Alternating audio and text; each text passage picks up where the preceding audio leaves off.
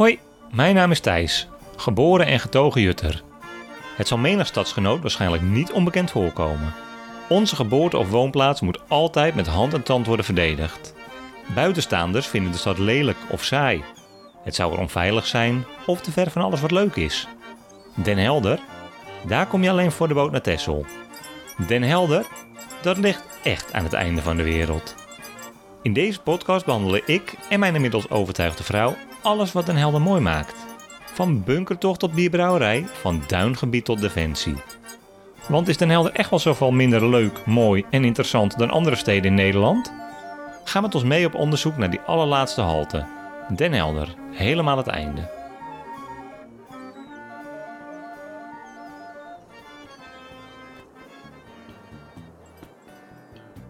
Als ik mensen vertel over mijn Den Helder, dan vragen ze zich vaak hardop af wat voor cultuur zo'n lelijke, saaie stad kan herbergen. Daar gaan we weer, denk ik dan. Ook studiegenoten, ik deed een opleiding tot sociaal-cultureel werker, lachten me vaak uit. Den Helder, daar is niks te doen joh. Ja, zo snel mogelijk op de trein naar Amsterdam stappen. Daar was Den Helder goed voor. Maar ik haalde juist inspiratie uit mijn stad. Hier viel nog wat te winnen, nog wat te ontdekken. Meermaals gaf ik college in de kroeg. Vurige betogen tussen nieuwe Helderse beentjes en biertjes door. Beeldende kunst, verschillende muzikale evenementen, musea, lichtkunst en theater. Den Helder barst ervan. Het is niet voor niets dat verschillende bekende kunstenaars deze plek in de Noordkop kozen om het beste in zichzelf naar boven te halen.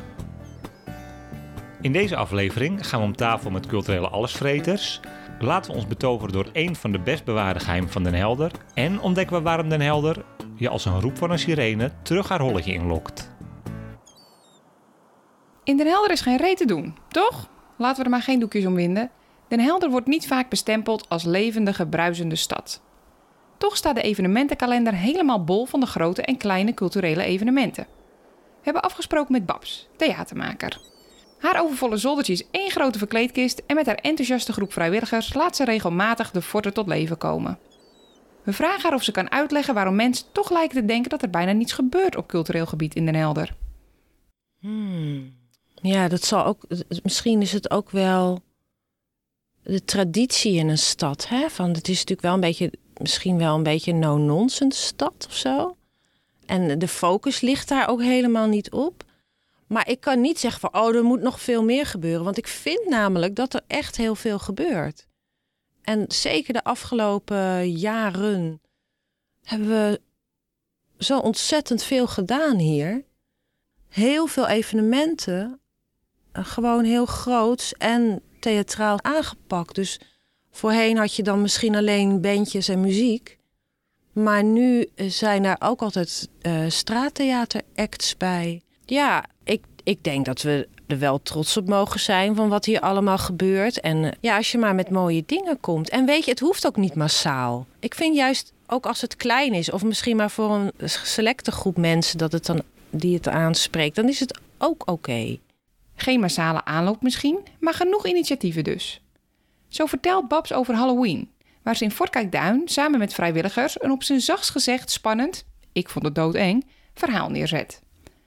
Maar ook over Fort Fairy Tale, een sprookjeservaring voor de allerkleinste. En dan hebben we het nu alleen nog maar over theater. Muziek en kunst komen straks pas aan bod. Lang verhaal kort, er zijn echt een heleboel grote en kleine groepen die mooie dingen maken in Den Helder. Waarom horen wij cultuur in het Nederland dan toch nooit over onze favoriete kustplaats? Ik denk dat je vergeet dat Den Helder geen regiofunctie heeft. Dus de aanzuigende werking is sowieso al veel minder. Alkmaar heeft de, heeft de regiofunctie natuurlijk. Wij liggen gewoon natuurlijk niet op de route, zeg maar. Dat is op zich hartstikke jammer.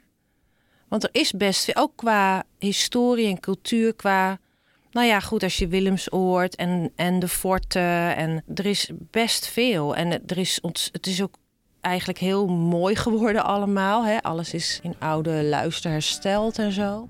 Musea, ja, je moet er dan van houden. Het wordt gezellig druk op het zoldertje, wat ook Sikina schuift aan. Sikina runt een evenementenbureau en is verantwoordelijk voor een van onze favoriete uitjes van het jaar, de Dag van de Muziek. Zit er een beetje muziek in Den Helder? Ja, ik zeg zelf altijd als boeker. Volendam denkt dat zij muzikaal zijn, dat ze veel hebben. Maar dat is niets vergeleken met Den Helder. Het is gewoon ongelooflijk wat wij hier hebben aan eh, bands, singer-songwriters, duootjes, trio. We hebben ook heel veel kruisbestuiving. de ene zanger valt in bij de andere band. Uh, de percussionist wordt gevraagd om daar een nummer in te spelen. Het is echt giga wat we hebben. Op de dag van de muziek bijvoorbeeld doen 103 acts mee. En dat zijn 1800 mensen. Dus en dan heb ik volgens mij nog niet eens iedereen heeft zich dan ingeschreven die hier wat doet. Dus het, is waanzinnig wat er hier gebeurt. Ja, dat is echt waar. Dag van de muziek is een begrip in Den Helder en van die zogenaamde Helderse versnippering zie je op die dag niets terug. Jong en oud loopt uit om bandjes, koren en bibberige vioolstudenten hun eerste optredens door te zien struikelen. Dag van de muziek is voor en door iedereen, zo breed als de dijk lang is. Ja, super breed. Echt, we hebben koren. Uh, dat, dat heb je van een kerkkoor tot een heel modern koor. Maar uh, het zijn singer-songwriters, bands. Een jongetje die op triade muziekschool is dat bij ons. Uh, net voor het eerst uh, heeft leren viool spelen. Die ook zijn kunsten mag laten horen. Maar dansers zijn er. country dans tot echt uh, het meest moderne wat je ziet. Uh, want we hebben ook dansscholen die meedoen in het land aan allerlei wedstrijden. Die zijn gewoon bijna professioneel, zal maar zeggen. Van alles kom je tegen. Maar ook uh, wat zo mooi is, is om een voorbeeld te geven. Wij hebben Van Dikhout in Den Helder. Nou, die kent iedereen in Nederland. Maar bijvoorbeeld een van de leden die denkt: Oh, weet je, ik heb smiddags eigenlijk niets te doen. En hij houdt van Nederlandstalige muziek schrijven. Laat ik dat eens uitproberen op de dag van de muziek. En dan komt hij terug en dan staat hij in zijn eigen stad. En dat is heel grappig, want dat wordt niet aangekondigd. Want iedereen is gelijk op de dag van de muziek. En dan loop je langs en dan denk je, dat is toch die knul van Van Dikhout. En dan zie je het langzaam drukker worden. Maar ja, het duurt maar een half uur en dan is hij weer verdwenen. En dat is zo prachtig. Dat zijn zulke mooie dingen wat er gebeurt. Van Dikhout, die maakt toch het verschil hè? Sikina herkent zich in ieder geval totaal niet in het beeld van Den Helder als saaie stad waar nooit eens iets georganiseerd wordt. Integendeel, ze organiseren hier... Heel veel. Dus, dus ze springen in elk gat. En ik moet inderdaad zeggen, jaren geleden was het nog wel eens zoiets dat je dacht, nou, is nou eens een keertje weer wat te doen? Maar de laatste jaren hoor je, ja, dat vind ik zo stom, doen ze twee dingen op één dag. en dan zeg ik altijd, nou en, dat is toch goed? Hoe meer, hoe beter. Want je kan toch keuzes maken? Ik bedoel, waarom ga je dat nou weer de hele tijd roepen? Laat het lekker gaan. Het is ook niet waar dat er bijvoorbeeld bij het ene feest dan heel stil is en bij het andere niet. Maar de een houdt helemaal niet van op een plein staan als een soort festival. En de ander die houdt helemaal niet van om langs kneuterige marktkraampjes. Dus wat maakt het nou uit? Als het nou precies hetzelfde is, dan moet je het niet doen. Maar anders, nou, laat lekker gaan. Straattheater, muziek. Maar Zikina kan het niet laten om ook nog even een ander soortig stukje gratis Helders folklore te benoemen krabbetukken bij de dijk. Krabbetuk is de meest gave entertainment die er is. En het kost helemaal niks. Een touwtje en een mossel. Niemand weet hoe het gaat. Als ik daar sta met extra touwtjes. Elke Duitser wil gewoon zo'n touwtje van mij. Ik weet zeker als ik het tientje vraag, dan doen ze het. Die moet je even uitleggen. Krabbetuk is um, krabben vangen eigenlijk. En uh, je doet een, uh, bijvoorbeeld een mossel aan een touwtje binden die stuk getrapt is. Je gooit hem erin, je doet een emmer met water even vullen. Daar doe je heel eventjes kort de krabben in. En dan is het een wedstrijd bijvoorbeeld van wie heeft de meest krabben. Nou, dan gooi je ze natuurlijk weer terug. Want uh, dat moet niet te lang. Het is inmiddels een heuse podcasttraditie. Maar ook Sekina legt nog even haarfijn uit waarom de jutters vaak zulke verschrikkelijke heimwee krijgen naar hun stadje. En ze vertelt hoe zij zich inmiddels zelf over Den Helder voelt. Ik ben gewoon enorm trots op deze stad, want ik vind het hier heel mooi. Uh, weet je, dat ik eruit ging uit Den Helder, toen, toen vond ik het hier ook eigenlijk niks. Want ik praatte iedereen na en je moest eruit. Want uh, om de wereld te verkennen moest je toch wel ergens anders gewoond hebben. Nou, ik kwam echt uh, terug en ik, ik werd echt de beste ambassadeur van Den Helder ooit, zeg maar. Want ik had het onwijs gemist. eigenlijk heeft het hier alles in zich wat je, wat je maar wenst. Eh, de natuur is prachtig. We wonen aan zee. We hebben een bos. We hebben een, een fort. Uh, dat is nog in opdracht van Napoleon zelfs gemaakt. En ja, weet je, ik, uh, als ik over de Nelde praat, dan, dan raak ik ook niet uitgepraat. Ik vind het hier geweldig. Sekine heeft trouwens ook nog wel een tip voor alle jutters zelf. Aspirant-ambassadeurs, zo je wilt. Schrijven jullie mee? Denk nou eens iets groter, want dat kan makkelijk. Daar zijn wij aan toe, hier in deze stad. En wat betreft dat mensen dan buiten de stad daar heel klein over denken. Ja, dat is volgens mij ook omdat we zelf de ambassadeur zijn en dat zelf meegeven. Maar als jij iets anders gaat verkondigen en een andere energie gaat afgeven, dan worden mensen volgens mij buiten de stad nieuwsgierig. Tot slot vragen we hoe Sekina den Helder over, pak een beet, een jaar of twintig ziet. Ehm, op cultureel vlak. Nou, heel groot. Ja, echt ongelooflijk. Dat wordt echt de naam in Nederland. Daar moet je zijn. Aan Sikina zal het niet liggen. Naast muziek en theater heeft Den Helder ook een waanzinnig kunstproject goed geheim weten te houden. We zijn niet de enige fans. De Nolle. De Nolle. Ja, in de Nolle, ja. Nollegebied. Ja, ben ik ook wel fan van de Nolle. Fantastisch gebied. Ja, en dat is dus het mooie. Als je dus eh, jarenlang in de trein zit en dan kijk je erover uit, dan denk je het een beetje te weten wat daar zich bevindt. Dat is gewoon helemaal niet zo. Je moet er gewoon echt naartoe, een rondleiding volgen met een, een enthousiaste vrijwilliger. En pas dan gaat echt die wereld voor je open. Dat is ja, uniek ook weer. Kunstproject De Nolle verwelkomt je als je met de trein Den Helder binnenkomt.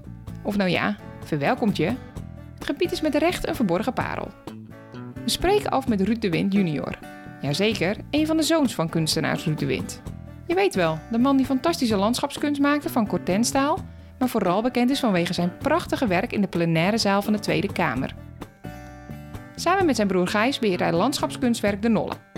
In een verbouwde bunker woont, werkt en leeft hij in het gebied dat zijn vader in de jaren 80 met veel liefde adopteerde.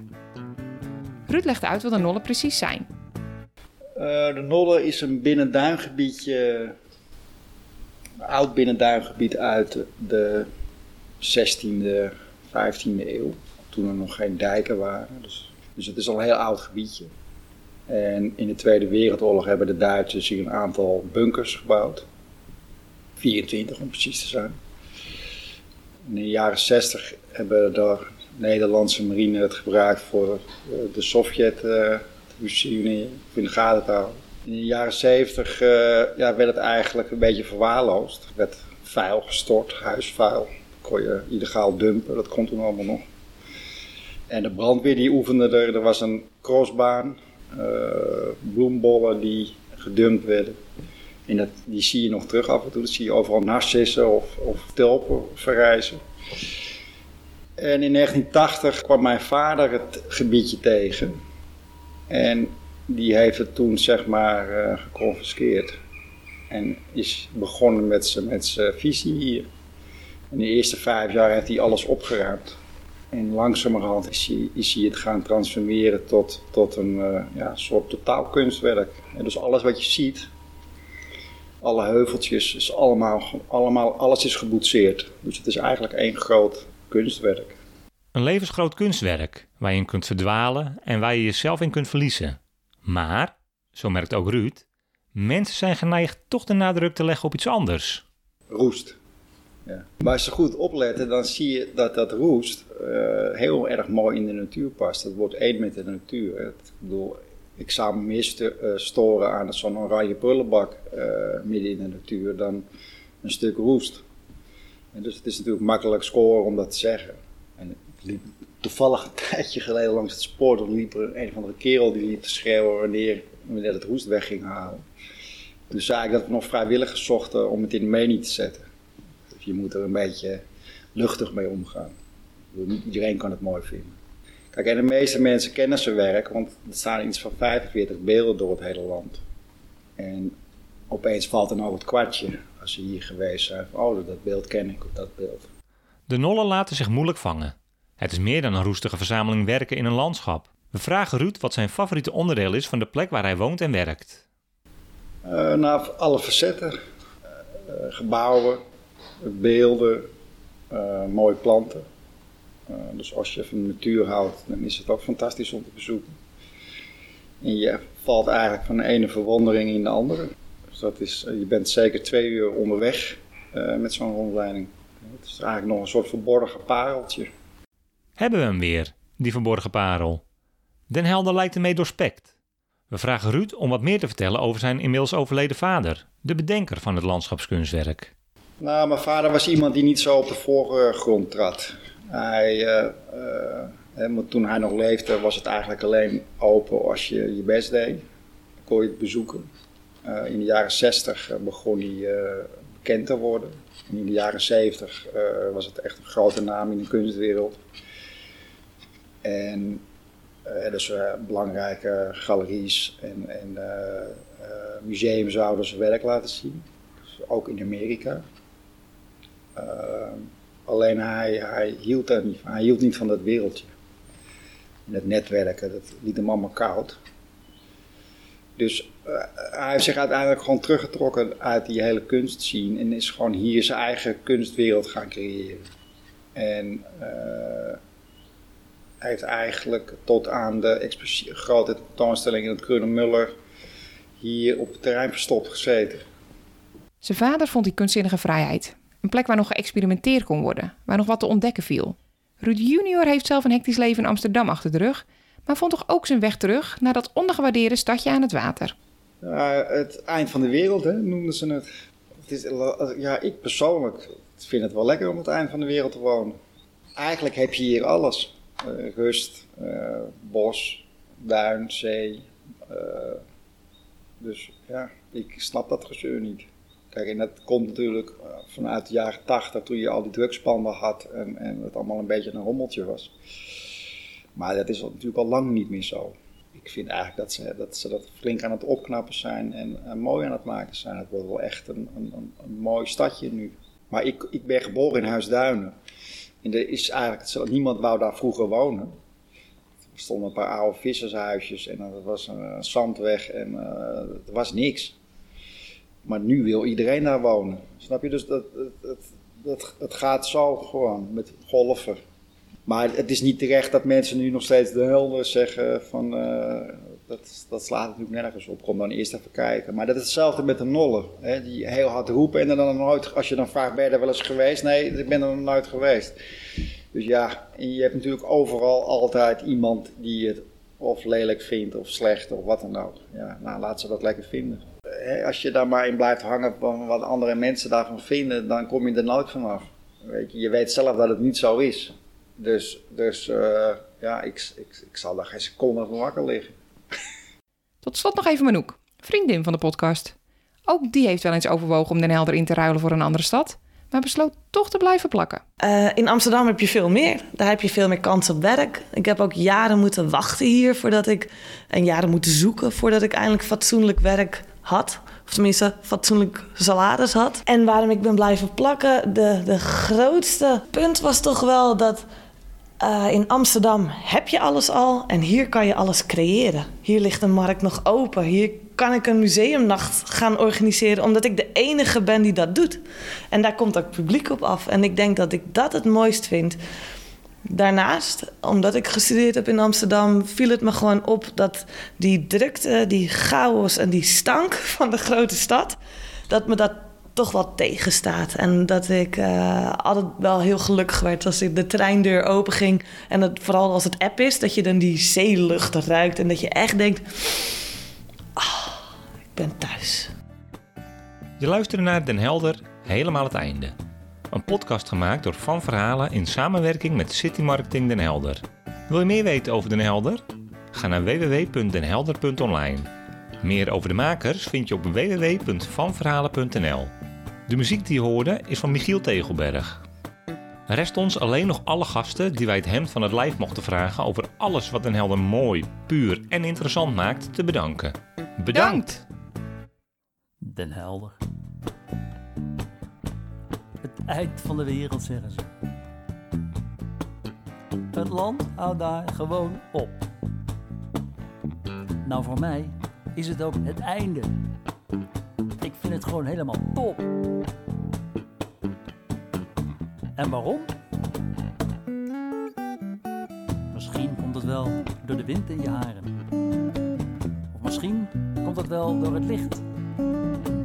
Of misschien komt het toch door de schepen die varen. Misschien door het eindeloos zicht. Misschien komt het wel door de zonneuren. Misschien door de zuivere lucht.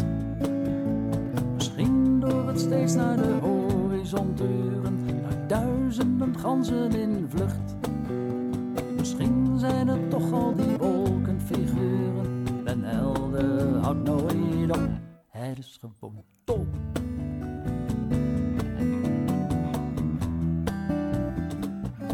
Het is gewoon. Ik weet niet hoe ik het zeggen moet en ik weet niet komt. Maar ik ben gek op den helder en weet niet waarom. Eind van de wereld zeggen ze het land, hou daar gewoon op. Ja, het is ook het einde hier. Weet je wat het is? Het is gewoon wel door kijkduinen en het strand. Misschien nogal die de Zaanzee. Misschien door het golvende duinenland. Misschien neemt het wat je hart mee. Misschien komt het wel door ons Willemsoord. Misschien door de nolle maanspoor.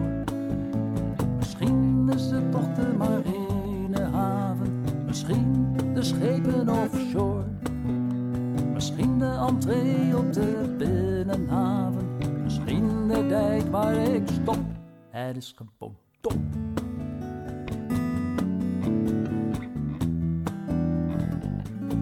Het is gewoon top. Ik weet niet hoe ik het zeggen moet en ik weet niet hoe het komt. Maar ik ben gek op den helder en ik weet niet waarom. Eind van de wereld zeggen ze het land, hou daar gewoon op. Ja, het is ook het einde hier.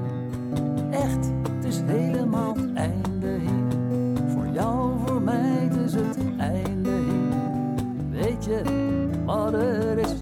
Het is gewoon top.